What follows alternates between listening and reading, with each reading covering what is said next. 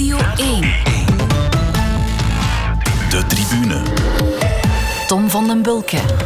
Welkom bij de tribune. Het is maandag 20 april. De paasvakantie zit erop. Het weer is nog altijd prima. En ook de tribune blijft net als de zon trouw op post. Vandaag twee gasten met een rijk sportverleden. De ene heeft een geweldig palmares als voormalig judocoach. En de andere kan terugblikken op een carrière van 40 jaar ondertussen als sportjournalist. Goedemiddag Jean-Marie de Dekker en goedemiddag Frank Raas. Goedemiddag. Jean-Marie de Dekker, tegenwoordig burgemeester van uh, Middelkerken. Mag ik Jean-Marie zeggen? Want de hele namiddag uh, of de hele uitzending meneer de Dekker, dat wordt misschien een beetje lastig. Men zegt dat al 68 jaar tegen mij, dus zal het onderscheid niet uitmaken. Oké, okay, dan gaan we het vandaag zo verder Frank is goed. Is het uh, ook meneer, meneer, Raas of Frank? Frank, ja. Frank. Het is meneer de Pelsmaker en Frank. Oké. Okay. Jullie kennen elkaar al lang, hè? Ja, 1984 denk ik op de Olympische Spelen in L.A., Los Angeles hebben wij elkaar voor het eerst ontmoet. Jean-Marie was toen de coach geworden van uh, natuurlijk de grote Robert van de Wallen. Voordien had hij iemand anders, een Nederlander geloof ik, als coach. Leo ten Haaf. Ja, nadien, nadien uh, of vrij jong gestorven is. Jean-Marie heeft dat overgenomen en we elkaar er ontmoet. En dat, ja, ik moet zeggen, eigenlijk, dat klikte toch wel vrij meteen.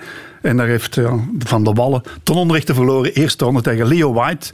Een kleurling uit de USA, maar heette Leo White. Ja. En ten onrechte verloren, ben content ja. Ja, ik heb nog een foto van... Uh, jij werkte toen voor de radio. Ja, En met Carlos de Vene. Hij zat in een klein tentje. Buiten. Ik heb nog een foto. Het is voor mij ongeveer 40 kilo geleden. Of Frank niet. Iets minder. Je hebt hem wel nog vaak geïnterviewd. Dus, ja, tuurlijk. Ik heb hem talloze malen geïnterviewd. Uh, judo, dat was toen topsport. Ik herinner me dat Europees kampioenschap in Oostende dat moet zeggen, dat is een van de hoogtepunten qua organisatie en successen tegelijkertijd op sportief vlak.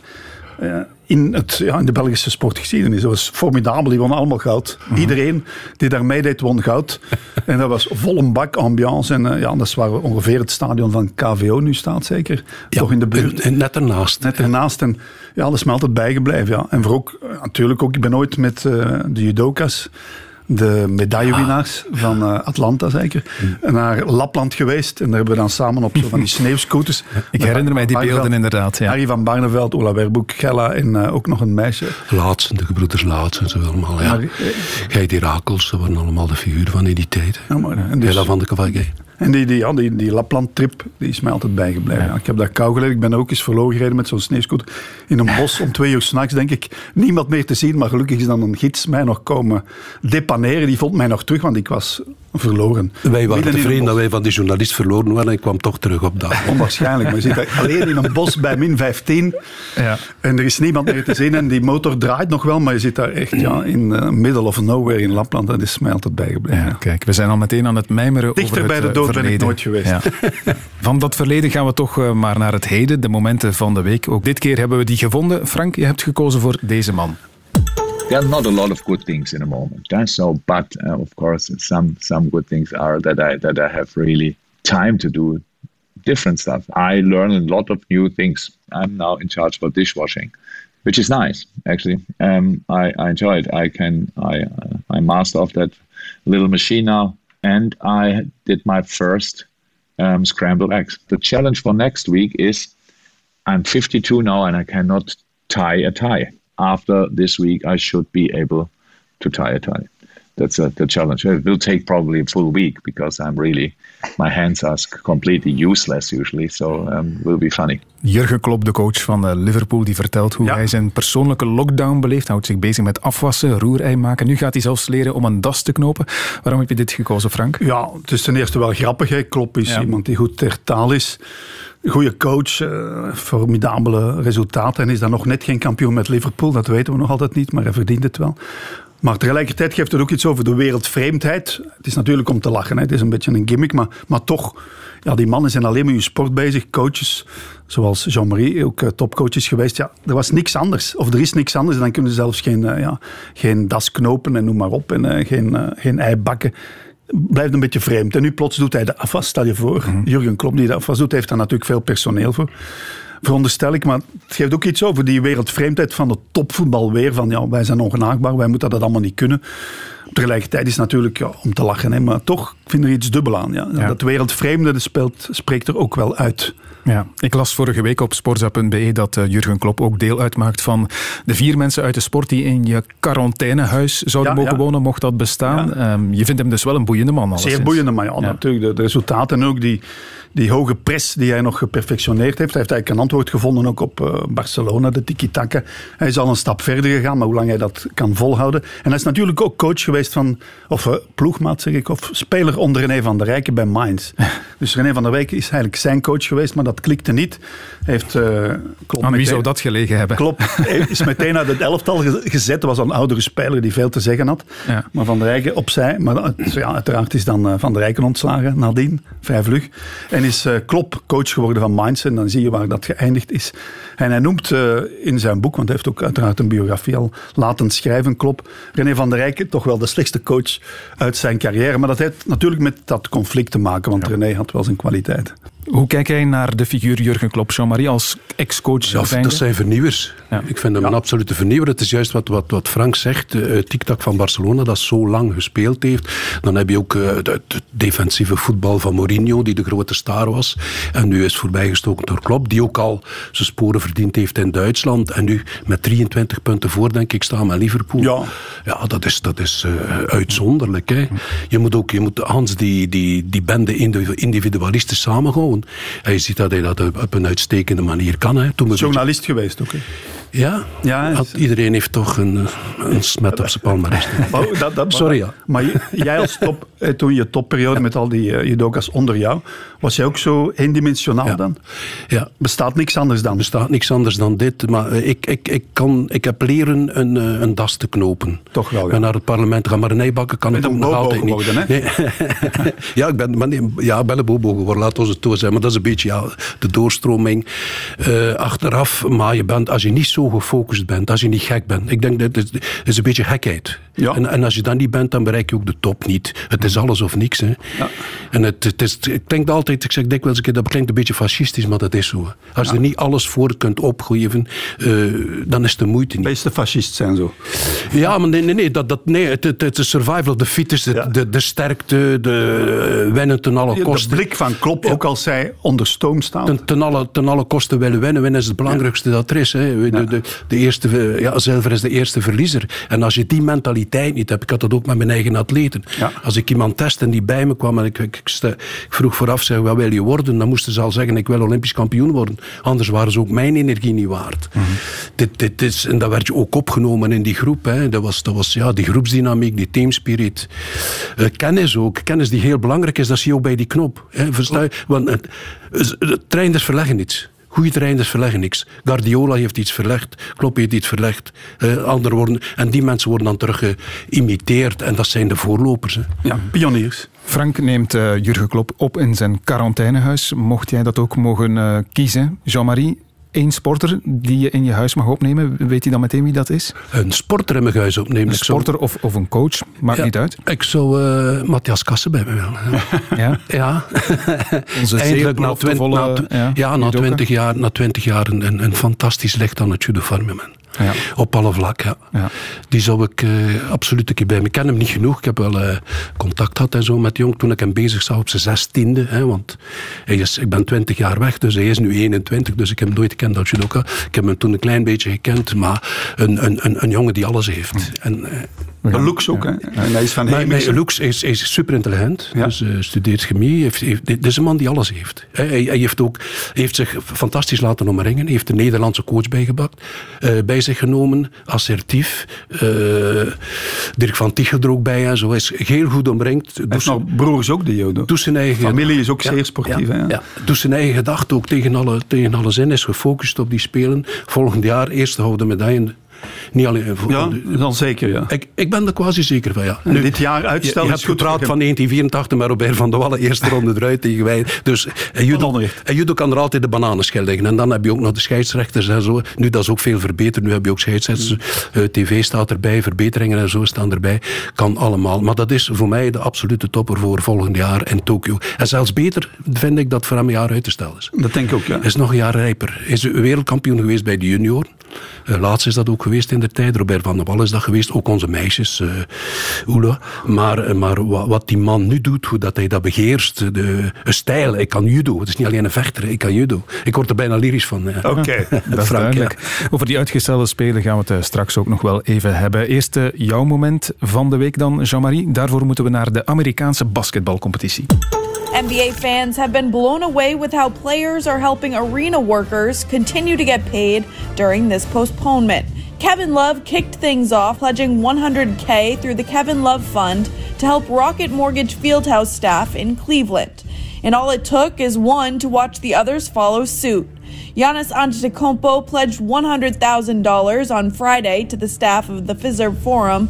Blake Griffin made the same pledge for the workers at Little Caesars Arena, the Pistons' home. And enter Zion Williamson. He may only be 19, but he is stepping up to the plate. He posted on Instagram that he will cover the salaries of the Smoothie King Center workers for the next 30 days. Nou, dit gaat over uh, verschillende NBA-spelers die in hun portefeuille tasten om de mensen bij hun club financieel te ondersteunen in deze tijden.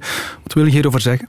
Wel, het gaat niet alleen over het feit dat, dat, dat die sterren en portefeuille dan tasten zijn. Hè. Men doet dat allemaal. Hè. Ronaldo doet dat hier ook. Dat is ook een beetje, eh, dikwijls een stukje voor zichzelf. Mm Maar het doel waaraan het ze geven, daarvoor heb ik dat gekozen. Ze geven dit niet uh, zomaar weg. Zij doen dat omdat er een lockout is. Dus er is ook een lockout van de NBA-competitie. En al die mensen die daar rondhangen, dus al de stadion, de verzorgers, uh, al die mensen zitten in Amerika zitten zonder werken. Wat heeft men hier gedaan? Wat heeft de voetbalwereld gedaan? Uh, die, die ook in principe schatrijk zou moeten zijn, die zoveel overheidssteun krijgt, 150 miljoen euro per jaar. Wat doen ze dan met die spelers? Wat doen ze dan met die, al die mensen die in het stadion, dus de, de verzorger uh, of, of, of de terreinverzorger zelfs, wel, die zetten ze in tijdelijke werkloosheid. Mm. Wat doen die Amerikanen? Die spelers die zijn solidair. Die zijn solidair met die mensen die een handschaar voor hen zorgen, die hun handdoeken wassen, uh, die een t-shirt gaan wassen zijn, en die betalen hun salaris door, zelf, met hun eigen salaris voor die mensen. En ik vind dat schitterend. En ik vind dat dat dat hier ook zo moeten zijn. Ik vind dat de miljonairs van Anderlecht, of, of ook van Club Brugge, mensen die 3 miljoen euro op jaarbasis zouden verdienen, in plaats van die mensen te laten naar de dop gaan, want dat is het, tijdelijke werkloosheid. Zo zijn dus solidair moeten zijn en een stuk van de wedden afstaan voor die mensen en dan niet terug afdragen op de rug van de maatschappij. Frank, zelfs een superrijke club als eh, Liverpool had het ook eerst gedaan. Hè. Zijn personeel op technische werkloosheid gezet. Is daar nadien wel op teruggekomen ja, wegens, wegens een storm van kritiek. Hè? Roma geeft ook de spelers vier maanden van hun wedden op en zo. Maar het is ook een beetje autopromotie. Het hoort erbij in Amerika, want als Messi het doet, moet Ronaldo het doen. Nadal die heeft, dacht ik, zelfs 11 miljoen euro bij elkaar gesprokkeld. Niet alleen, maar het hoort er ook wel bij natuurlijk, want ze worden bijna sociaal verplicht om het te doen. Het is goed dat dat geld uh, ja. daar naartoe gaat, maar het is ook een beetje ja, toch wel voor het imago, denk ik. Ja, maar het is altijd een stuk zelfpromotie. Als Ronaldo het doet uh, voor een miljoen dollar, uh, Lewandowski heeft eerst, is er eerst mee begonnen. Ja, Messi doet het ook in Argentinië, hè? zowel en, en in Barcelona als in Argentinië, want anders zijn ze boos in Argentinië. En als je dan bedenkt, dan moeten ze twee, dag, dags, twee daglonen afstaan om een miljoen dollar te geven. Ja, Axel Witsel heeft ook een geste gedaan, 100.000 euro voor een Luik ziekenhuis. Dat is mooi. Ja, dat is een mooie geste. Zeer rechtstreeks. Oh, Toby Alderweireld is ook uh, in actie geschoten. En eigenlijk vind ik het wel vrij normaal. Zij kunnen wel iets missen, denk ik, uh, met ja, toch die enorme weddes die zeker in die grote Belgische of Europese competities uh, gangbaar zijn. Oké, okay, dat waren de momenten van de week. Over dan nu naar het nieuws van de dag. De tribune. En dat nieuws van de dag kwam van voetbalclub Lokeren de dagen zijn geteld. Geen uh, laatste strohalm meer of geen uh, ultiem beroep of uitstel. Het is gedaan. Het faillissement van Lokeren is een feit. Lokeren greep een tijdje terug al naast de licentie en kreeg daarnet het loodzware verdict van de ondernemingsrechtbank. De club legde zich trouwens vanmorgen al definitief neer bij die beslissing. Het is eigenlijk onvoorstelbaar. Ik heb het, ik heb het al dikwijls gezegd, kijk, als je geen businessplan hebt of als jij uh, denkt dat jij in de, in de, in de moderne voetbal en, voetbalclub, uh, een professionele voetbalclub kunt overnemen uh, zonder centen, ja, dan, dan ben je wel heel, heel snel klaar. We hoorden Arnar Vidarsson, oud-gediende van de club. Frank Lokeren is dus uh, failliet, dat is nieuws. En ook weer niet eigenlijk, nee, want iedereen wist dat dit ging gebeuren. Chroniek van een aangekondigd faillissement natuurlijk. Het is natuurlijk ja, Lambrecht heeft het laten zitten, heeft het verkocht aan Louis de Vries. En Louis de Vries is niet echt rijk. Hij is natuurlijk wel een begoede burger. Hij heeft wel zijn bezittingen, denk ik, ook wel in Spanje. Maar iemand die de club kan redden, financieel was hij niet. Hij ging op zoek naar gelden. En uh, vooral in China, heb ik begrepen. Mm -hmm. En uh, nou, natuurlijk, China op dit moment, dat heeft het allemaal nog uh, zwaarder gemaakt. Maar ik denk dat hij gewoon, gewoon niet genoeg kapitaal achter zich had. En dat dat eigenlijk inderdaad een aangekondigde dood. En dan ook die resultaten die dan compleet achterwege bleven. Ze bleven maar verliezen. Het ging samen, dus ja, niks aan te doen. Het is wel jammer, want uh, de fusieclub bestaat nu bijna 50 jaar, heb ik begrepen. Tussen twee kleinere clubs in Loker, Standard Loker en Racing Loker, geloof ik. En uh, ja, het is zeer jammer, want het is een grote club geweest. Ze hebben nog vrij onlangs twee keer de beker gewonnen. Dat is nog niet zo lang geleden. Het is wel straf natuurlijk dat die rekensom niet eh, vooraf doordacht genoeg gemaakt is dan, want je hoort het Vidarsson inderdaad zeggen. Je neemt die club over, ja dan heb je toch een lange termijn plan en financieel ook vermoed ik. die, in die, geval die hebben geen lange termijn plan. Nee. Die hebben dat niet. Nee, dat is ook de ere, dat is als voorzitter worden. Prestige. Ik ga, ja, prestige, maar ik ga een voorbeeld geven over Louis de Vries. Wat onlangs gebeurd is. Dus KV Oostende heeft Sivkovic verkocht voor 3 miljoen euro. Ja, Japan, China, ik herinner De Nederlander, ja. ja wie, wie, is, wie is gaan lopen met het geld van dat transfergeld? Ik zou het niet weten. Jij... Ik zal het zeggen, Louis de Vries. Louis de Vries heeft anderhalf miljoen geïncasseerd bij KV Oostende. Persoonlijk dan? Persoonlijk, ja. Als, als makelaar. Als makelaar van Zivkovic. Want van, van Hans het geval van Zivkovic zijn er amper, amper wat kruimels naar Oostende gegaan. Maar Oostende is het volgende verhaal in de rij. Dus uh, Louis de Vries steekt daar wel anderhalf miljoen euro op zak. Had dan de armoezaaier gaan uithangen bij Lokeren. Al die zaken zou men beter onderzoeken. Hè, dat men daar dan een keer de rechtbank op zegt hoe dit allemaal komt. Wat is er fraudeleus? Wat is er normaal? En al deze zaken. Iemand die de eerste, beste uh, ijscreamwinkel gaat open doen of ijscreamkraampje gaat open doen, die moet een financieel plan gaan indienen. Hè. Terwijl hier, zie je, op amper tien maanden is het gebeurd, hè, dat faillissement van overname ik denk dat hij, Ik denk dat hij ook gedacht heeft, ja, als het goed draait, we staan op kop in bij, komen de gelden wel. Maar ja, ze speelden zo slecht, stonden helemaal onderaan en ze hadden Jelle van Damme nog aangetrokken als uh, uithangbord toch ook wel. Maar dat is allemaal misgelopen en dan zijn die sponsors en die gelden en dan nu met de coronacrisis was het helemaal natuurlijk uh, het vet van de soep. Want ja, ik heb hem ooit gezien in een restaurant, heeft mij niet gezien, met een Chinese meneer. Heb ik hem zien zitten. Zien zitten eten voor de crisis, nog niet zo lang daarvoor. Dus hij was wel in onderhandeling. Maar ja, als je zelf dat geld niet meteen kan uh, ophoesten, dan is het voorbij. Vooral omdat Loker natuurlijk al jaren, of al vele jaren, mm de dat is ook allemaal typisch met de Chinese meneer, met de Thaise meneer. Uh, van alle clubs, van die acht clubs, is er nog één die een Belgische eigenaar heeft. Ja, ja, en al de rest zijn grote beloften. En de Chinese meneer, of de Egyptische meneer, of Tom Lier, of dit laat. Uh, ze hebben de commerce gedaan en dan zijn ze allemaal. Ja, en je weet ook niet waarom doen die dat. Ja, het is een businessplan dat niet meer werkt. Hè. Het is een, vorm van economie dat niet meer werkt. En vroeg of laat, die faillissementen zijn ook een mooie opkuis. Is dat inderdaad het grote probleem? Want oké, het gaat hier nu over Lokeren, maar we hebben onlangs nog maar het nieuws gekregen dat er zeven clubs geen proflicentie krijgen voor volgend seizoen. Los van de coronacrisis. Hè. Dat, dat, gaat niet zozeer, eh, dat is niet toe te, toe te wijden aan de coronacrisis versnelt iets wat. Ja, ja, Maar, en, en, en legt een aantal zaken bloot die anders altijd maar onder de radar blijven. Maar ik zeg, het ganse businessmodel van onze voetbal is kapot. Dat is totaal kapot. Men hoort zelfs Anderlecht nu bedelen aan de andere clubs, bijvoorbeeld, om te vragen, ga je wat meedelen en je geld van Europa? Zij spelen al decennia lang in Europa, nooit iets gedaan. De laatste onderhandelingen voor het tv-contract vroeg Anderlecht 90% van de bijkomende gelden dat ze naar hen zouden gaan. En twee maanden later zitten ze aan de bedelstaf. Als je Hans, Hans dat circuit bepijt... Eh, ja, ik denk dat, dat de, de koopmansrechtbank van Palermo zou dat zelfs werken hebben. ja, als, je kent de verhalen van van Moeskroen, dat Moeskroen nu maar failliet gaat. Ja, ze zijn al vijf keer bijna failliet geweest. Tuurlijk, en, en, en nog betrokken in omkoopschandalen en dergelijke meer. Maar nu, nu plots komt men tot, tot, tot de ontdekking, heeft men twee e-mails gevonden die al bestonden bij het gerecht, waarin dat Zagavi, ja. die een makelaar is, en een makelaar mag er niet bij betrokken worden. Als een makelaar betrokken was in het bestuur van je club, dit kan niet volgens de regels van de FIFA. En andere clubs doen niet anders. Ik kom nog even terug op wat je zegt over uh, Anderlecht. Um, Want vind je het idee aan zich verkeerd, of is het vooral de foute boodschapper die het idee gebracht Tuurlijk is dat de foute boodschapper. Ja, het idee vind ik inderdaad wel Het idee is niet slecht. Hè, want, want, die clubs die kunnen ook maar naar Europa omdat er competitie is in België. Ze hebben die kleintjes nodig, ze hebben de anderen nodig. Anders hebben ze geen voetbal niet meer.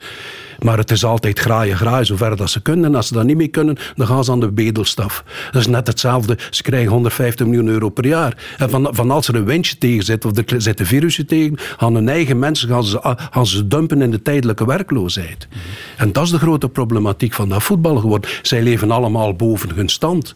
En niemand kan nog saai naar de zak hebben. Als er iets verkeerd gaat, is het kapot. En ook twee maten en twee gewichten in alles. Ja. waarom uh, Moeskroen gaat men nu failliet verklaren? Omdat de link bewezen is met de makelaar. Wat doet men met Anderlecht? Niks. Mm Niks. Ik heb veel bewondering voor Wouter van den Houten, eerlijk. Want die man is, is, is een nieuwe wind. Maar Wouter van den Houten heeft de makelaars, Let's Play, heeft de makelaarskantoor, staat op de loonlijst van Anderlecht. Wat zegt de licentiecommissie? Van, uh, wat zegt, ja, maar hij staat niet op de loonlijst van Anderlecht. Hij staat op de loonlijst van Markoeken.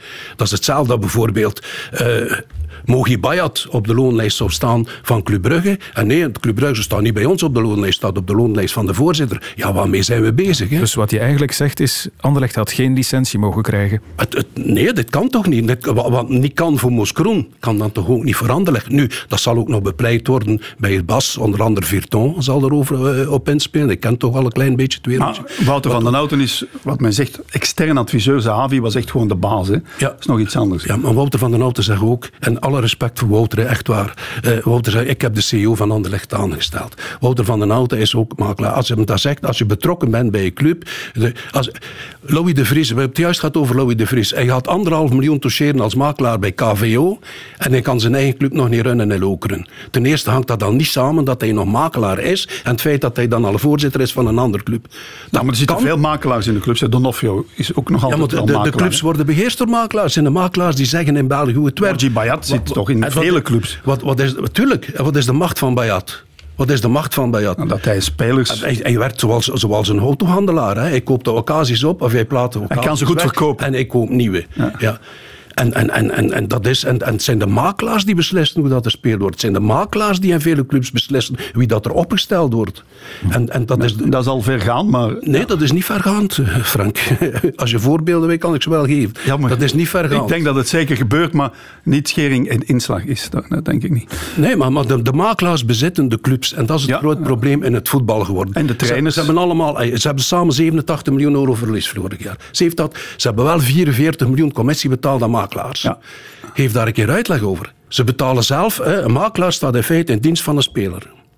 De spelers betalen makelaarsloon niet. Nee, de clubs betalen makelaarsloon in de plaats van de speler. Ja, maar dan moet je zeggen, dan staat de makelaar op je loonlijst. Dat is toch allemaal het verschil. Ja, maar er zijn er die bureaus hebben in clubs ook. Ja, ja, maar, maar, maar, maar, u weet dat journalist, dit wordt gedoogd. Dit wordt gedoogd door de federatie. De federatie, de voorzitter van de voetbalbond. De, de, de, zijn broer is, is, is, is Bayat. Als je, ja, als je, als je de rol van François Heer François, de voorzitter van de Pro League, de CEO van... Standaard, ja, ja. Nou, hoeveel keer is dat failliet gegaan? Hij heeft zijn eigen proces afgekocht volgens fraude. Ja, maar het gebeurde in 2011. Heeft zijn proces afgekocht, fraude, samen met Dinofrio. Dinofrio is drie keer veroordeeld geweest. Ja. Dinofrio zit vandaag in Antwerpen. Ja, dan heeft hij gesjoemeld, ja, onder andere met, uh, de, uh, met uh, Molenbeek. Ja, dan is hij vertrokken naar Bergen. Hij heeft zelf de onderhandelingen gedaan, onder andere met die Zagavi voor Moeskroon. Ja. En dan is hij ook nog betrokken geweest bij de overname van Cercle Brugge door de Russen van Monaco. Nou, en die persoon staat dan aan de leiding, is dan CEO van de voetbalbond. Nou, Pro League, ja. Van de Pro League, ja. Dat loopt ook allemaal een beetje doorheen, maar kom. En, en, en, en al dergelijke toestanden, hoe, hoe kun je dan een businessmodel hebben dat op iets trekt? Dat kan toch Ja, maar de mensen die beoordelen moeten ook beslissen. Dat is het probleem. Ze staan aan dezelfde kant van de... Ja. ja er is inderdaad al een keer uh, gezegd uh, dat Moji Bayat inderdaad zijn eigen bureau heeft uh, of had op Anderlecht. Het is nu weer wat stiller geworden de voorbije week rond Anderlecht. Nee, nu niet meer inderdaad. Het is nu weer wat stiller geworden, Frank. Maar er is inderdaad wel veel commotie geweest de voorbije weken. Ook met die voorstellen die van Anderlecht uitgekomen zijn. Nog één ding daarover. Hoe heb jij daarnaar gekeken? Ja, dat Anderlecht eh, de steun voegt, de solidariteit van andere clubs. Dus onder meer Club Brugge, die dan eh, wel Europees zeker spelen. Dat was vreemd inderdaad. De boodschapper was hier eigenlijk verkeerd. Maar het idee op zich, de spreiding van Europese gelden, inkomsten naar de kleinere clubs, is natuurlijk een zeer mooi idee. En ja, dat zal wel uit het brein ontsproten zijn van de mensen die daar nu de leiding hebben. En dat is mooi, maar het is ook een positieve boodschap. Maar tegelijkertijd, ja, denk je, dit kan niet. Anderlicht, dat gaat bedelen bij de andere clubs, zoals Jean-Marie het heeft uh, ja. ja. maar niet, niet alleen dit. Hè. Dat, het, het, het, is zo hypocriet. Omdat juist ervoor is er een grote discussie geweest tussen de K11 ja, en de G5, de grote de 5 en de kleine 11. En het ging over verhoging van de tv-rechten. En wat Anderlecht was de grote voorloper om te zeggen 90% van die verhoging ter eh, tv-recht moet, naar, ons gaan. Terwijl dat die K11 eh, allemaal het water aan de lippen staat en allemaal grote honger heeft. En dan hebben ze het zelf geen moeilijk. Het is ook zo dat tv-rechten, eh, dat wordt bepaald door hoe graag je bekeken wordt door de, de mensen thuis. Dus Anderlecht is nog altijd hot Dat is gewoon zo. Ja, maar daarmee ben ik allemaal akkoord. Maar als Anderlecht geen ploeg heeft om tegen te spelen, die ook een bepaalde waarde geeft, dan komt het niet. Dan, dan uh, maak je niet businessmodel. Waarom heb ik ook in het begin verwezen naar... Ik kan toch niet zeggen dat Mark Koeken geen businessmodel kan maken? Over sport? Nou, in het algemeen. Niet. Nee? Nee, ook niks. niet buiten nee, sport? nee, dat gaat. Ik heb, ik heb heel wat grote mensen. Ik, eh, kijk, kijk naar de man van Sint-Truiden van vroeger, van Standaard. Châtelet, Châtelet. Châtelet, ja. Dus, dat is een topper, dat is een miljardair ook. Ja. Dat is een absolute Maar die kan topper. toch een business Ja, maar ze, als, als, eh, heel veel van die mensen, hè, van als ze in de voetbal gaan of in de sport gaan, dan verliezen ze verstand. Ja, dat heeft Duchatelet ook zelf bevestigd Ja. onlangs, hè, dat dat de grootste fout in zijn leven geweest is om in het Ja, voetbal maar dan te gaat gaan. het over iets anders. Sport, sport, heeft ethiek, sport heeft een andere dynamiek. En die mensen stappen daarin. Waarom? En, en, en gaat het over de, de power and the glory. Ja, Dat is, dat is iets totaal anders. Ik heb, ik heb dat ook meegemaakt. eh, Rudolf van Moerkerk heb ik redelijk goed gekend. Rudolf zei vlak af, zijn mijn Playmobiels. Je- Jij gaat s'avonds kaarten, ik hou mij bezig met de basket. En die mensen denken daar totaal anders over. En als er dan iemand is, zoals Bart Verhagen, die toch ergens een businessmodel in steekt, dan komt hij er. Ja, en, en dat, is, dat is iets totaal anders, dat is een totaal andere wereld. En dan wordt alles verdragen van die mensen, want die mensen hebben dan centen bij. Ja, en dan durft dikwijls niemand zeggen, de keizer heeft geen kleren aan. Dus kijk wat dat er nu gebeurt eh, met KVO Stend en dergelijke meer. Als je daarvoor een businessplan zou hebben, dan stap je daar toch niet in. Oké, zo meteen meer daarover. Er zijn in elk geval clubs die nu volop oplossingen aan het zoeken zijn in deze ja, moeilijke tijden. Ehm, onder meer Moes Kroen, dat de fusie wil aangaan met eh, KV Kortrijk. En dit is wat eh, Kortrijk-voorzitter Jozef Allijns daarover gezegd heeft. Het is een langere periode dat, dat wij vanuit KV Kortrijk en ook ik als voorzitter zeggen, er zijn te veel profclubs. Dat is duidelijk. Hoe kun je daaraan werken? In de eerste plaats door grootschaliger te denken. Met andere woorden, door samen te werken, door te fuseren. Dan ga je, van, dan ga je sowieso het aantal profclubs verminderen. Hè. En ik had ook gedacht, oké, als je ooit als je ooit fuseert in de regio, dan moet je ook denken aan, aan. Dat zou inderdaad wel, moest het, moest het kunnen lukken, echt wel een, een droom zijn. En ook het, het in stand houden van het professionele voetbal hier in de regio. En ik denk dat, ik denk dat dit de prioriteit is. Hij staat er helemaal achter, Frank. Het is misschien ook een logisch idee als je weet dat uh, Moes Kroen en Kortrijk eigenlijk amper een uh, goede 10 kilometer van elkaar Ja, liggen. En Zultuarium is ook niet ver natuurlijk. Roeselaar is ook niet Die ver. fusie zal veel moeilijker liggen Ja, natuurlijk. dat met zal niet gebeuren, maar ze liggen wel zeer dicht bij elkaar, zoals in eh, Antwerpen. Ja. Eh, Lierse, KV Mechelen, Beerschot, Antwerpen, Beveren. Het is allemaal op een eh, voorschot dat dat bij elkaar ligt. Dus dat kan niet, en daar heeft Allianz natuurlijk gelijk in, dat er, er zijn te veel profclubs. Dat, is, dat gaat gewoon niet op die kleine oppervlakte. En hij is natuurlijk de sterkste. Kortrijk is de sterkste. Als die, die anderen verdwijnen, dan, ja, dan, dan is de markt bij Kortrijk. En dan komen ook meer sponsoren, komt meer geld naar Kortrijk. Dus dat is zeker goed gezien. Ik zie inderdaad ook niet meteen de grote nadelen ervan, hè, maar toch zijn er supporters die, Maar die al hun verdwijnt beklag hè. maken. En die hebben dan ook wel een goed Ja, maar oefencentrum het zijn, voor de zijn jongeren. supporters van Kortrijk die nu al hun beklag Ja, maken dat ze ja, dit niet willen of niet zien zitten, terwijl je wel duidelijk het gevoel hebt van oké, Kortrijk zal wel de leidende club zijn in die fusie. Ja, de ziel van de club, dat ligt bij de supporters. En supporters krijgen door de sociale media steeds meer macht. Die eisen dat ook op en die gaan dan druk zetten. Maar eigenlijk moet je daar toch even afstand van kunnen nemen, denk ik. Want ja, Beerschot Antwerpen, dat is ook zo'n onmogelijk verhaal. Dat zal nooit gebeuren, omdat ja, de, de ziel van die clubs verschilt zodanig. Maar ja, Germinal Leken is ook verdwenen. Hè. De, Er verdwijnen er toch, en ik ben echt eh, voorstander van fusies, maar goed gemaakte en goed uitgevoerde fusies uiteraard. Genk is ook een fusieclub, hè. Maar ik denk, ik denk dat het meer is dan dat, Frank. Ik denk dat meer is dan dit. Eh, ik ben niet uitgesproken daar straks over de NBA. Ik denk dat wat is de sterkte van de NBA? Is dat een gesloten systeem is. dat is een gesloten circuit. Nu, nu, nu hebben we een, een, een, een eerste 1A, 1B, dat is de vuilnisbak. Raak er maar uit. Hè? Ja, 24 profclubs is gewoon te veel. Kijk, punt. ja, dat is, als je met een gesloten systeem zou werken. En dan zou ook het feit kunnen werken dat je zeggen. de gelden die binnenkomen uit Europa. die blijven in dat. met een verdeelsleutel. Zoals in de NBA bijvoorbeeld. Dan is er een verdeelsleutel wat er binnenkomt van de tv-rechten. Oké, de Lakers zal waarschijnlijk meer krijgen dan de Pistons of dergelijke meer. Maar hier kun je ook zo'n sleutel Ja, de beste uitwerken. spelers, jonge spelers, gaan ook naar de zwakste clubs Ja, daar. dus de zwakste Gewoon om de spanning kiezen. Ja. Ja. Maar het is ook zo, in Mexico heb ik gelezen, eh, gaan ze de komende vijf jaar geen promotie of degradatie doen. Omdat het anders ja, financieel moeilijk is. Daar is ook eh, crisis uiteraard bij die clubs. En ze zeggen, ja, vijf jaar gaan we niet eh, zakken Ja. of eh, stijgen. Waar Gewoon moeten om het gesloten te houden. met het competitieformat in het voetbal? Frank, het is misschien moeilijk om dat op dit moment te zeggen, want we moeten uiteindelijk wachten tot het BAS zich uitgesproken heeft Ja. over die licenties, al dan niet. Maar ja, heb, je, heb jij nu al een bepaalde voorkeur voor een systeem? Ja, minder clubs. Maar ze willen nu naar twee meer, naar 18. En laten we nu ervan uitgaan dat alle clubs blijven bestaan. Dat zal niet gebeuren, maar stel je voor, dan, ja, dan ga je naar 18 clubs, maar dat is niet goed. Minder, minder. 14 is absoluut genoeg, vind ik. En dan, dat moet opgelost worden. In ja, ik, ja, maar niet zo akkoord, Frank. Kijk wat is gedaan de basket. Hè zit daar ook met een soort gesloten competitie met acht ploegen die spelen en ze moeten straks vier keer per... Te veel tegen elkaar. Ja, maar dat is in één base dat zo. Die moeten vier keer tegen elkaar. Ja, ik vind 16 of 18 ploegen rustig kunnen en, dan, en daar dan in een gesloten circuit. En als je daar dan tot in dit gesloten circuit zou binnen toetreden, dan moet je tonen dat je poen hebt, dan moet je tonen dat je macht hebt, dan moet je tonen wat dat je kan. Maar ik ben ook absoluut voorstander van de play-offs. Zelfs met halvering der punten ben ik een believer. Maar dat zal volgend seizoen niet kunnen, denk ik. Omdat ja, die promotiematchen die moeten nog gespeeld worden, de beker moet nog gespeeld worden, finale.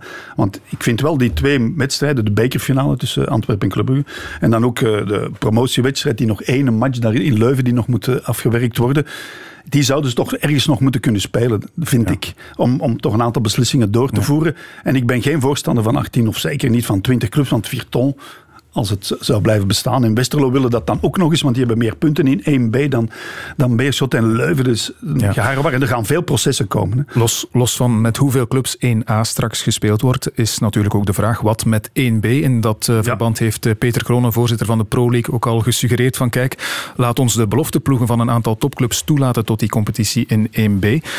Is dat een goed voorstel? Ik vind dat een goed voorstel. Dat bestaat al in uh, Spanje en in Frankrijk bijvoorbeeld. Dat is dan wel derde klasse. Maar ja, hoe ga je dat doen? Want die andere clubs die dus uh, wel kunnen promoveren. Hè, want die, uh, die jongere ploegen die kunnen niet promoveren of degraderen. Die staan daar. Mm -hmm. Hoe krijg je dat dan als echte competitie verkocht? En hoe zit dat dan financieel en zo? Dat is natuurlijk een fijn voorstel. En Michel Doge heeft dat al 30, 40 jaar geleden al eens gelanceerd. Hè, om dus eh, de jongere ploegen, of de reserve-elftal heette dat toen nog, in een iets lagere klasse te laten spelen. En dan heb je ook competitie, die hebben ritmen enzovoort, enzovoort. Maar hoe ga je dat uitvoeren? En dat gaat zeker niet lukken tegen volgend seizoen. Hè? Zeker niet. Nee. Wat met de Benelink? Moeten we die nog eens op tafel gooien? Want als je wil naar een competitie met minder clubs, ja, dan komt dat idee misschien ook weer naar boven. Maar goed, daar zijn we al uh, meer dan twintig jaar over bezig. Dat is voor de grote clubs gemaakt. Hè? Ja. En ook, uh, ik hoor dat ook al, Michel Verscheuren, die ondertussen toch niet meer van de jongsten is, die promoot dat al 40 jaar. Hè. Ik heb nog persconferenties meegemaakt in Rotterdam in het stadion van Feyenoord. Mm -hmm. Hoe lang het geleden is, ik weet niet. Ik had nog geen baardgroei, denk ik. Dus dat is echt lang geleden. Het is al jaren bezig en het komt er nooit van. Ja. En het zal er misschien eens van moeten komen, ik weet het niet. Maar, het maar ik ben geen voorstander om bijvoorbeeld Herenveen tegen Moeskroen te laten spelen, om te beginnen. of, zeg, of Anderlecht naar Herenveen. Want hoe ga je dat allemaal regelen? En alleen de topclubs, weer de kleine kring die zichzelf wil beschermen natuurlijk. Heerenveen Moeskroen gaan we misschien niet meer krijgen, nee, Frank. Want voor Moeskroen dreigt het einde. Wel. Voor Moeskroen lijkt er misschien wel een oplossing in de maak in de vorm van een fusie dan met Kortrijk. Ja. Is er ook een uh, oplossing in de maak voor Oostende? Vraag ik me af. Jean-Marie de Dekker is uh, burgemeester van Middelkerken. Dat ligt vlak naast Oostende. Vang je wel eens iets op over KV Oostende? Ja, ik vang daar heel veel van op. Ja. ja. Ik ben zelfs van plan om er een boek over te schrijven. Een boek, Strand. Een boek over nee, KV Oostende? Over, over, over, ik ken de innerlijke keuken uh, ontzettend goed. Wie daarin zit, dus weet dat wel. Maar dat, dat, dat verdiende een prachtig boekje. En dat zo noemen ik denk ik The Godfather of iets dergelijks. Oké, okay, ik ben benieuwd. dat zo, ik denk dat er een oplossing komt. En wie is de Godfather? Eh, wel, ik zal direct zeggen, Koek is de Godfather van Oostende. En nu nog? Dat is hij vandaag nog altijd. Het is Mark Koeken die zegt wie dat er zal overnemen. Dus die deal met de Amerikanen, dat zie ik uh, mislukken. Maar ik mag daar heel weinig over zeggen door het feit dat er daar ook... Uh, uh, clausules in die contracten staan over onder andere dat er niet mag over gepraat worden. Maar ik denk dat Koeken kan zich niet permitteren om uh, dat geld te verliezen. Want als die balans neergaat, is hem zijn stadion kwijt. Dus hij heeft dat, en, ik ga het stadion dossier een keer vertellen om te zeggen hoe, het, hoe alles bijvoorbeeld ineen zit. Niemand wilde natuurlijk die club daar zijn geld in steken. Wat is er gebeurd? Uh, maar Koeken vroeg 15 miljoen voor zijn aandeel. Niemand kon dat betalen natuurlijk. Wat hebben ze gedaan? Ze hebben die schulden overgezet op de club. Dus de club moet in principe die 15 miljoen uitbetalen. En, en, en een van de, de trucs die daarbij gebeurd zijn, is met het stadion. Het stadion is in feite een erfpacht aan de stad Oostende tot 2050 aan 1 euro per jaar.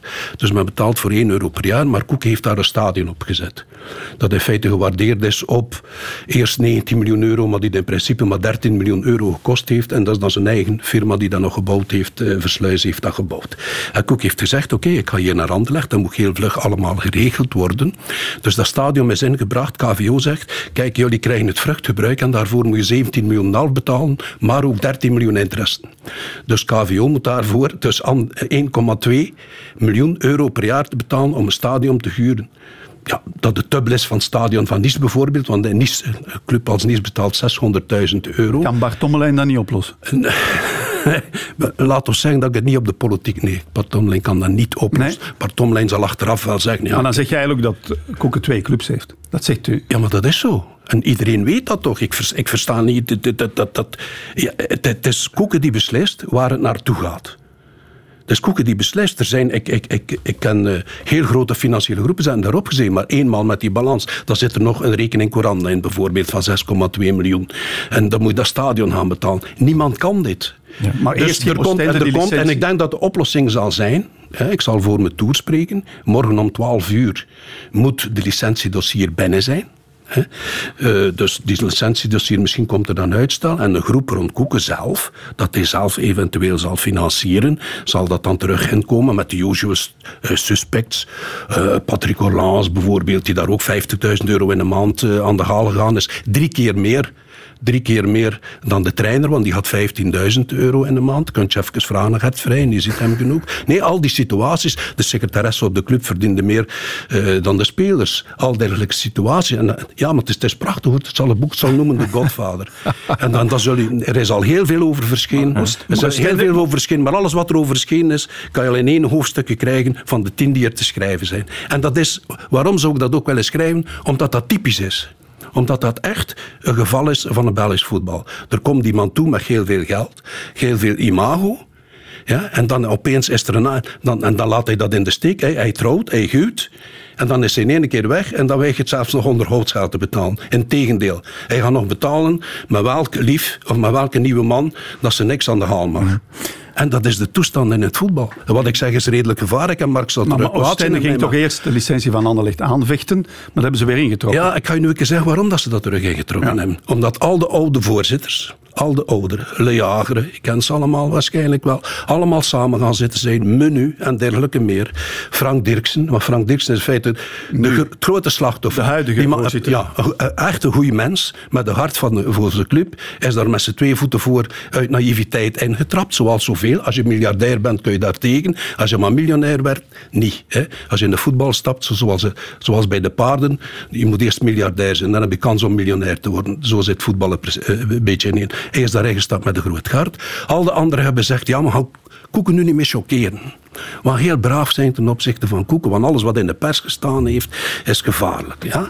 Dus wat hebben ze gedaan? Ze hebben een vergadering gehouden. En ze hebben gezegd door hen, tegen de zaakwaarnemers: jullie moeten heel braaf zijn. En jullie moeten Koeken niet gaan aanvallen. Niet gaan aanvallen voor de licentie van Anderlecht. Laat Virtaan dat maar, uh, dat maar doen. Advocaat Dupont. Ja, dan Dupont. Ja, ja, het is Dupont. En dat Bosman al is. Ja, hij, hij, hij, doet, hij doet het. Uh, hij zal het doen voor Virton. En wat er daarvan uitkomt. Nu hebben ze in feite de knieval gedaan voor Koeken. We zullen zien wat dat Koeken nu doet. Maar ik zeg dat Koeken zich niet kan permitteren om zijn, uh, zijn, zijn, stadion te verliezen. En om dan ook, ik kan het in principe wel uh, permitteren. Hè. Maar het gaat nu ook over de eer. Het gaat nu ook over. Koeken is heel slecht ontvangen geweest in Oostende toen Anderlecht op bezoek kwam. Daar is hij absoluut op zijn pik getrapt. En, en, en, en het gaat nu over kapot maken van, van, van, van Goliath, die, die David uh, gaat vertrappelen. En dan uiteindelijk toch met een of andere oplossing komt. Want als er geen oplossing is, als de balansen neergelegd worden, dan gaat het stadion terug naar Stad Oostende. Dan is het dan volledig kwijt door het feit dat er nerfpacht is. En dit staat in die contracten. Ja, nog, nog één ding daarover. Je kunt de schuld voor de problemen van KV Oostende nu natuurlijk bij de Godfather leggen, bij Mark ja, Nee, nee maar... dat is een globaliteit. Hoor. Ik leg dat ook niet alleen daar. Dat gaat ook over sport. Dat gaat ook inderdaad over het feit, er zijn te veel ploegen.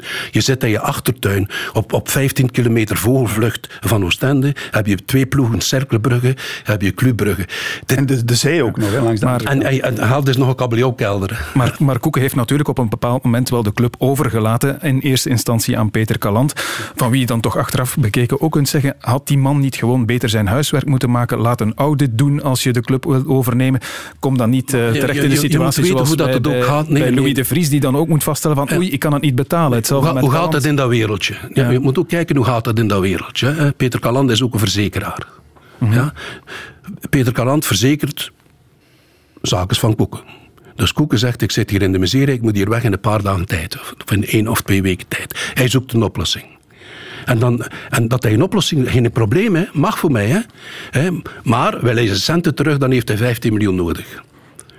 Dus hij, hij, weet dat dit onmogelijk is. Mhm. Dus zoekt hij vliegensvlug bij een vriend. En bij een vriend, want achteraf, ik ken al die mensen heel goed hoor. Ik weet waarover ik praat. En dan zei ik, kijk, hij betaalt nu, ik ga een voorbeeld geven. Ik wil niet gepakt worden op bedrag, maar anderhalf miljoen. Ja. En al de rest van de constructie, die 15 miljoen dat ik moet hebben, gaan we in constructies steken. En die constructies komen te lasten van KVO. En dat is niet alleen die tribune, want ik kan blijven voorvertellen. Er zijn onmiddellijk die verkocht worden. Maar even uitspreken nu, er gaan ook vier spelers. Vier van de beste spelers van Oostende gaan over naar Anderlecht. Transfersommen komen niet toe. Er worden contracten gemaakt dat alle uitgaande transfers van, uh, van Oostende toekomen bij en niet alleen, niet alleen koeken, hè. ook kijk naar de huismakelaar die nu meegaan is naar Anderlecht, dan zul je ook het verschil zien. Dat, en al die, die, die, dat is gemaakt, dus Oostende heeft ook geen inkomen meer. Tweede, tweede punt, heel wat van die sponsorings die daar rond het plein staan, die staan daar ook omdat ze leveranciers zijn die verplicht zijn. Zo gaat dat in de voetbal. Die zijn verplicht. Uh, Versluist dat daar bijvoorbeeld, eigen firma. Uh, dat, en, en, en, dat zijn vrienden. Die zeggen, maar koek is weg. Wij moeten daar niet mee leven. Dus dat is, dat is een neergaande spiraal, uh, spiraal op basis van kwaliteit van spelers. Want die gaan weg. En ze gaan weg. Er komt geen geld binnen om nieuwe te kopen. Er is een neergaande spiraal om aan centen te geraken met sponsoring. En er is een, neergaande spiraal door het feit dat je schuldenberg zoveel verhoogd is. En dat is crimineel dan. En dan zou je moeten in de voetbalbond zeggen: jongens, meneer Koeken en uh, meneer Dirksen zet jullie een keer aan tafel. We zijn die grote jongens en wij gaan dat superviseren. En dan zou dat wel gebeuren. Moest de voetbalbond nu optreden en zeggen, ja maar Anderlecht, hey, jullie zijn dan niet de kosher dat bewijs moet toch niet meer geleverd worden. Wij moeten daaruit geraken. En dan zou je kunnen zeggen, oké, die voetbalbond en die Pro League heeft een nut. Nu heeft dat geen nut. Ja. Een blijzerke kopen en meegaan op reis voor die bobo's. Ja. En al de rest lezen we in het boek. Dus de Godfather ga je het kopen, Frank? Ja, zeker. Is die vertaling... Ik zal het komen voorlezen. voilà. In West-Vlaams. Wordt een extra lange podcast. De tribune. We blijven bij het voetbal, want de RSZ-korting voor profsporters of de fiscale regeling voor de profsporters staat onder zware druk. Zeker ook na een eh, uitspraak van de arbeidsrechtbank van Antwerpen vorige week. Kort samengevat, amateurclub Sporting Hasselt was een procedure begonnen tegen de Rijksdienst voor Sociale Zekerheid, omdat de amateurspelers van Hasselt niet van het gunstige RSZ-regime kunnen profiteren, zoals dat wel het geval is bij profvoetballers.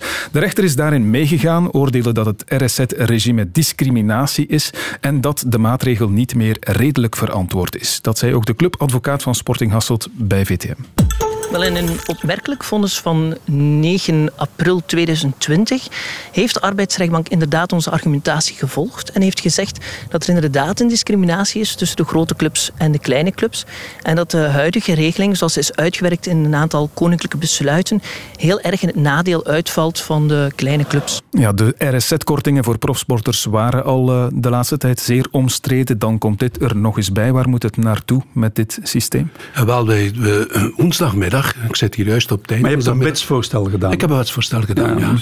Ik heb een eh, wetsvoorstel gedaan, maar bestaat uit verschillende stuks. We zijn zo aan het bekijken wat op die RS zit. Want dat ligt mooi in de markt. Je kunt dat gemakkelijk verkopen. Eh, de spelers van Anderlecht, maar moet RSZ betalen. Uh, meer RSZ betalen voor de kuisvrouw van het stadion daarvoor. Dit klopt. Dat is op een minimum. Maar er zijn twee heel grote elementen in de voetbalfinanciering. Er komt ongeveer, ze krijgen ongeveer 150 miljoen euro subsidie van de staat. En dat bestaat uit twee zaken. Dat bestaat uit het, de die moet betaald worden op de lonen en de RSZ. Laten we zeggen dat dat elk ongeveer 75 miljoen is. Wij moeten dat afbouwen. Mijn voorstel is dat we dit afbouwen. De eerste maatregel die ik wel een goede vind, die ik wel behouden, de eerste maatregel dateert nog van Jean-Luc de Gane, die toen de tijd in 1985 supporter was van Club Brugge. Erik Herriks dreigde te vertrekken, Jantje Keulemans te vertrekken. Je kent die grote ploeg van in de tijd, Gappel en consort, die trein. Wat heeft men toen gezegd? Jij moogt op je 35ste een bedrijfsleidersverzekering afsluiten. De spelers mogen daar tot 80% van hun wedden instorten. En op een 35ste mogen ze dat op. Is hun carrière voorbij? Ja, dus dat is een goede maatregel. Ik vind dat die men moet behouden. Spelers die 35 zijn, hebben een stuk van hun wedden daar kunnen insteken en ze mogen dat potje hebben. Maar die, die, die bedrijfsvoorheffing, die clubs hebben dat zuiver cadeau gehad, zuiver misbruikt en hebben ze gebruikt om makelaars te betalen. Vorig jaar 44 miljoen euro naar de makelaars. Dus om de makelaars te betalen en de wedders door het tak gegaan en er is niet meer geïnvesteerd geweest in jeugdspelers. Want als ze goede jeugdspelers hebben, staan ze ook al onder contract bij een makelaar vanaf een 15e, 16e. En dan een 18e en een 19e of een 20e zijn ze weg. Waar ik wel uh, niet meeloop, is in het RSZ-verhaal. Dus ik vind het RSZ-verhaal, als men vandaag, als een club 300.000 euro per jaar zou betalen aan een speler, en men hij zou normale sociale wetten moeten betalen op die wedden zoals in het bedrijfsleven, dan zou die speler 892.000 euro per jaar kosten. Maar er is, er is, wij, hoeven daar niet, niet voor ver te kijken. We hebben veel grootverdieners. En wat zijn die grootverdieners in ons land? Bijvoorbeeld chirurgen, advocaten, dergelijke meer. Die hebben de kans om een vennootschap op te richten en daar dan te betalen als zelfstandige. Het bedrag, daar zijn ze hoogstens belast per jaar 89.000 euro, 16.000 euro RSZ per jaar. Ik zou gewoon het statuut geven zoals de zelfstandigen hebben, zoals een chirurg hebt. Je hoeft daarvoor geen nieuwe wetgeving te doen of te zeggen de hm. topsporters komen daaronder. Daarnaast heb ik ook nog uh, de makelaarsvergoeding. Makelaarsvergoedingen, die wil je extra belasten. En, natuurlijk, die extra belasten dan 10%. Nu, ik ben daar niet alleen in. Hè, want één iets dat Michel Maus toch gezegd heeft, het was maar voor 4% voor die makelaarsvergoeding. Maar dit kan niet meer. Je moet de makelaarsvergoeding, een solidariteitsbijdrage van 10%, te betalen door wel, de clubs op de winst op de makelaars.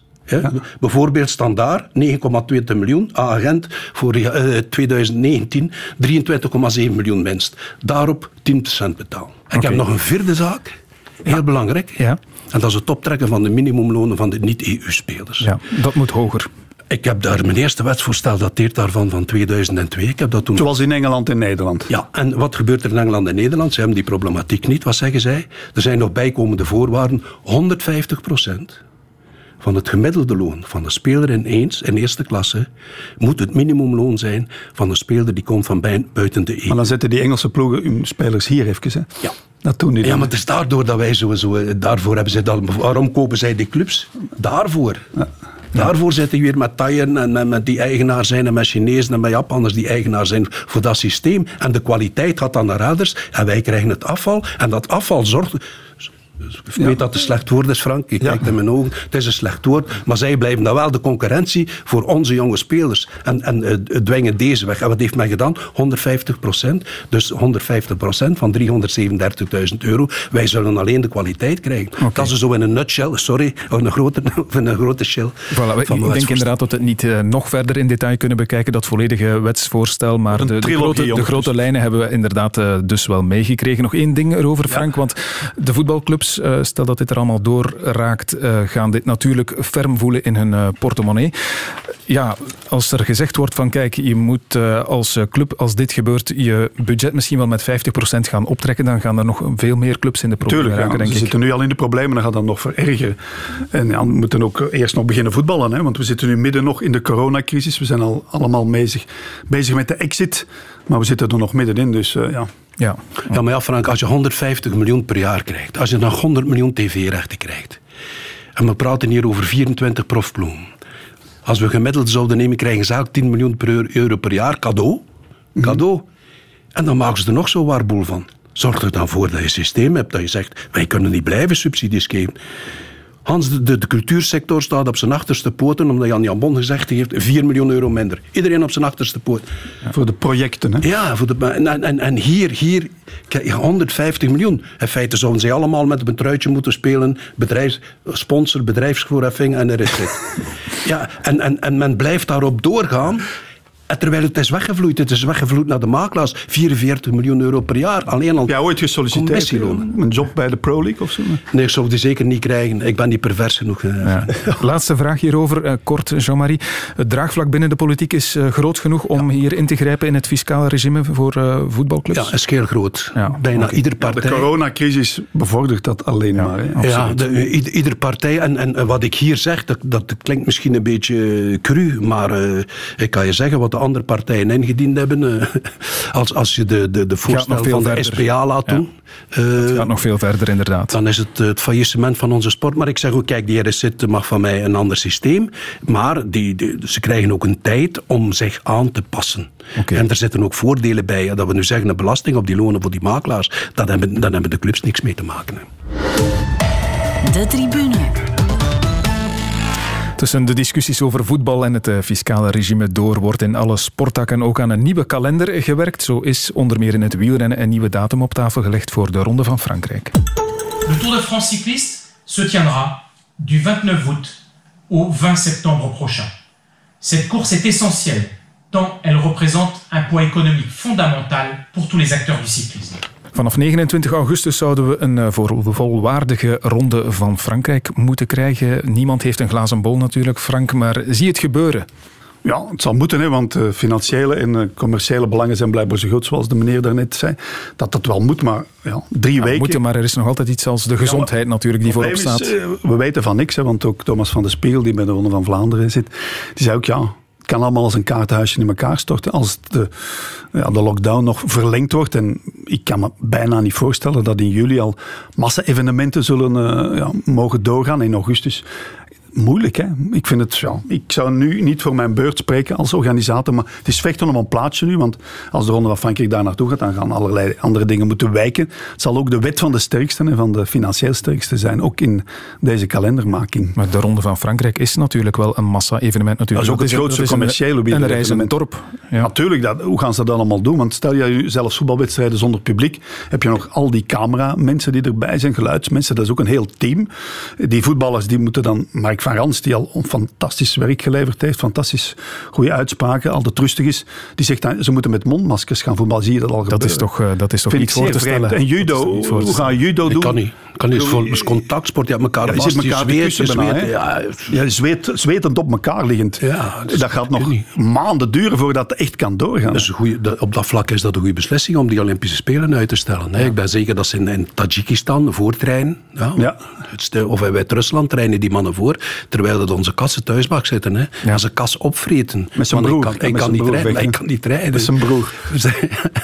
Jean-Marie, als burgemeester van uh, Middelkerk krijg je sowieso ook te maken met uh, massa-evenementen. Er is momenteel die hele discussie over de stranden en zo. Hoe kijk jij vanuit jouw functie daar naar een ronde van Frankrijk inderdaad, met alles erop en eraan? Maar ik ben een beetje weeskind deze zomer. Geen ronde van Frankrijk, geen Wimbledon. Ja. En de, de, de, de, de Olympische Spelen, dat, dat, dat, dat, is een, jaar, een vierjaarlijks orgasme. Dat is ongelooflijk. Ja, en dat, dat verdwijnt. Maar ik, kijk, ik ben uh, verheugd voor het wielrennen. Ik denk een absolute noodzaak. Je kunt nog zeggen, oké, okay, de almacht van Frankrijk, de dictator op dat vlak en het chauvinisme en allemaal speelt. In feite zouden ze wel moeten de Tour op twee weken doen en de Giro ook twee weken en de Vuelta twee weken. Maar ik heb daar geen barst aan te zeggen. Het is nood, noodzakelijk.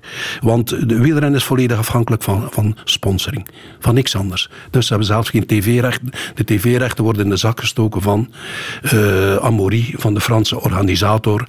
Krijgen ze allemaal niet. Dus wat gebeurt? Die sponsors zijn misnoegd. De sponsors hebben de, de Ronde van Frankrijk nodig. Nu kan Lefevre ook zeggen tegen de koning, de koning sponsort niet alleen voor hier. Dat is een internationale markt. Soudal, ik denk dat hij in 164 landen zit, die zegt ik heb die Ronde van Frankrijk nodig. Daarmee is dat gered. Het is van levensbelang inderdaad voor uh, het van leven, Het is van levensbelang voor de sport, maar als je nu zegt, ik, ik vind dat we ook aan het overdreven zijn, vind, vind dat we aan het panikeren zijn. Ik kan u praten omdat u praat over het strand. Ja. ja? Ik heb mezelf... Ten eerste, het strand is groot genoeg. Maar de problemen van Oostende zijn niet de problemen van Middelkerk. Wij hebben zelf uitgerekend, we waren bezig met...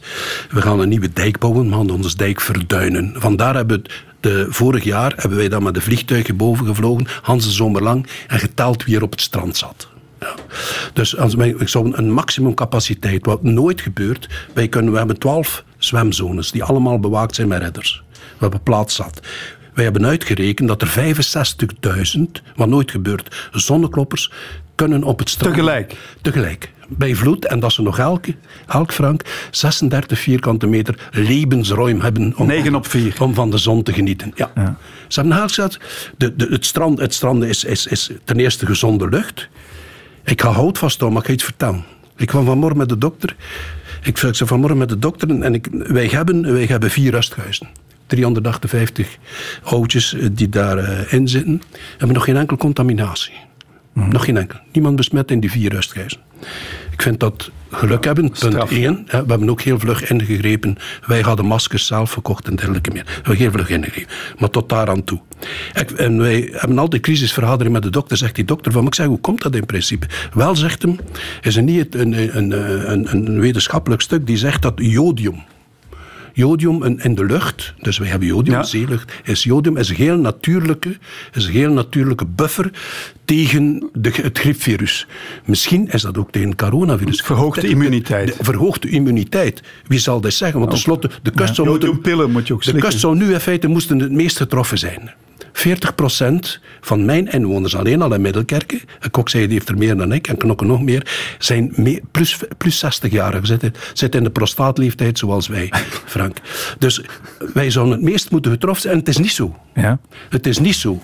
maar ik ga hout vasthouden. Ik ga echt, maar wat, zal het uitwijten? En, en, het is nog twee en een halve maand. Het is nog vier maanden vooraleer dat die ronde van Frankrijk er is. De, je, je moet ook... Het, maar ik zou die renners zijn gezonde jongens, die voetballers zijn ook gezonde jongens. Hè. Je moet, uh... Misschien is uh, de toekomst aan de strandraces. Hè? Ja. Dat, dat kan ook natuurlijk. voetbal kan ook. Strandwielrennen, het bestaat absoluut. Nu, je, je, hebt het gevoel dat we aan het panikeren zijn, Jean-Marie, zeg je. Anderzijds heb je natuurlijk die paniek die ook wel misschien meegevoed wordt door alle experten die nu haast in koor zeggen, een tour met publiek bijvoorbeeld, vanaf eind augustus, dat is op dit moment onmogelijk. Unless the Tour de France was held in a way that was almost unrecognizable compared to what it has been previously, you would have to say there'd be some pretty substantial public health concerns with holding it in August. Dat was uh, viroloog um, Benjamin Cowie uit Melbourne. Oh, ja, okay. Dus, dus, dus oké. Okay, maar, maar, maar vroeg of laat gaan we moeten zijn, we gaan, aan, ja. we gaan veel vlugger. Ik geloof daar echt in. Ik ben geen wetenschapper en ik, ik, ik, heb er ook in, in het begin heel sceptisch gestaan. Ik zeg, verdorie, ik was een van de laatste. Nou, ik heb nog gezegd, al wie naar Middelkerken komt, als mooie vrouwen zijn, wil ik ze nog kussen. Ja. en nu zit ik al zo lang ja. in quarantaine dat ik zelfs de mannen zou kussen, maar dat is iets anders. Ja, ik ben de laatste. Maar Kijk, ook jij hebt je vergist. Maar je hebt je dus ook vergist. Ik heb mij vergist, ja. Ik, was, ja maar het was ook allemaal. Hè. Het is niet zo werk en het is dit niet en het is dat niet. En dan plots sta je, sta je voor de voldongen feiten. Ja. En, en nu geloof ik, ik geloof dat dat weggaat. Er bestaat een heel mooi boekje van Joren Vermeers over de pest van 1349. En, en het virus duurt drie maanden en dan verhuist het. Mhm dat verhuist. En ik geloof ook in, eenmaal dat we, we zitten nu allemaal en er is een heel grote burgerzin. Hè. We moeten echt, uh, onze bevolking, dat blijft dat volgen, dat is echt waar. Dat is mijn idee. Uh, en eenmaal dat ze, dat ze buiten gaan, dan komt er vreugde, dan komt er levensvreugde, dan gaan we terug werken en dergelijke meer. En onmiddellijk zal men overgaan tot de orde van de dag. Ik geloof daar absoluut in. Wie ja. er nu, is er nu nog angstig om de metro in te stappen en na te denken, of om naar de, de luchthaven te gaan in Zaventem, om na te denken dat er nog aanslagen geweest zijn. Okay, Wij moeten ook zo vlug mogelijk overgaan tot de orde van de dag. Ja, het feit is, Frank, dat we natuurlijk met z'n allen wel collectief meteen willen overgaan tot de orde van de dag, zodra het weer mag. En dan kom ik nog eens terug op dat wielrennen.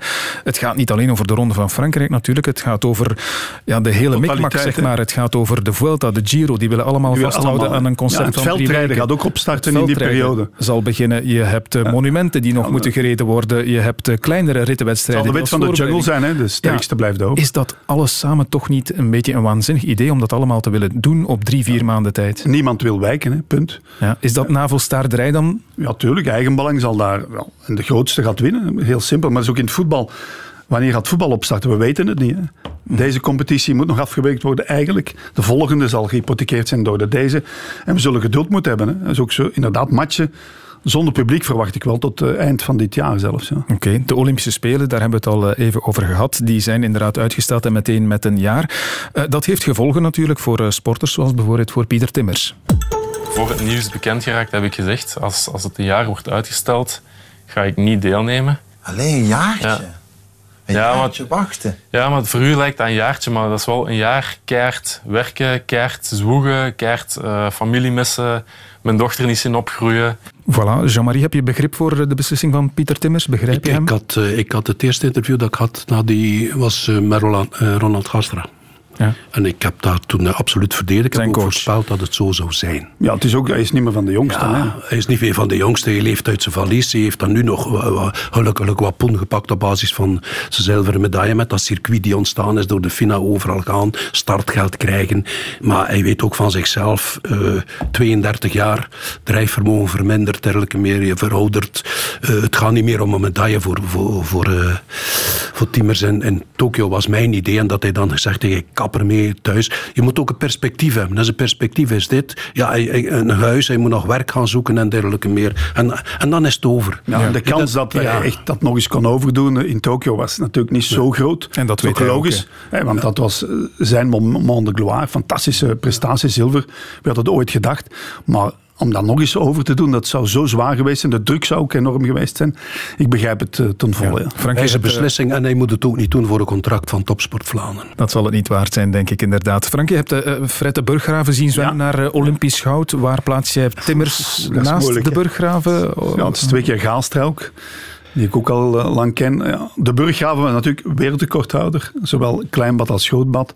Olympisch kampioen wereldkampioen, Europees kampioen. Wereldrecord. Wereldrecord, eh, zowel kort en een lange baan. Dus dat staat toch nog wel straf. En ja, die zilveren medaille. Maar het is natuurlijk wel zo dat Timmers in de zwaarste discipline zit. Hè. De vrije slag 100 meter. Iedereen wil dat winnen. Schoolslag is dan net iets lager in de hiërarchie. Maar ik ken Fred beter, dus ik uh, ga voor Fred, ja. Ja, oké. Um, we hebben hem uh, ook al vernoemd in deze uitzending, Matthias Kassen. Voor hem vind je het uitstel van de Spelen wel een goede zaak. Dus uh, ik heb je ook horen spreken. Het is een goede zaak, maar voor hem kan het absoluut geen kwaad. Ik ja. zeg, het is in principe een goede zaak door het feit dat hij sterker zal zijn. Ja. Hij zal sterker zijn en hij, hij is nu nog maar pas junior eruit. Hij is, is, is, is, een man van, van 2,23. Nog een jaartje erbij op dat niveau, dat speelde enorm. En toch zeg jij nu al goud volgend jaar in Tokio voor Matthias Kassen, dat mogen we opschrijven. Je mag er, je mag er een fles op verwedden met mij. Ja. Oké, dat is goed. Dat is genoteerd. Ja. nee, dat is voor hem een plaskaart. voilà, en zo zijn we er bijna klaar mee met deze aflevering van de Tribune. Afronden doen we met onze traditionele laatste vraag. Dat is, uh, waar kijken jullie deze week nog naar uit? Frank, ik ga bij jou beginnen. Naar een wandeling in de stad of zo. Uh, ik ga ja. vaak foto's maken s'avonds in Antwerpen. Maar kijk er nog naar uit. Och, ja, ja. Hoe zit het met het uh, amateurfotograaf Ja, natuurlijk. Steeds meer. Ja, ja, ik, ik, ik zit veel op mijn computer, ik zie ook veel wel tv. Ik lees boeken, ik kook, want ik heb ook nog een zoon op te voeden van 12. ik kook, ik heb ook leren strijken, zoals uh, Jurgen Klopp, zoiets. Ik, ik heb leren ja. strijken. Ja. Dus ik kijk uit naar het goede weer en buiten gaan fietsen, wandelen, al dat soort dingen.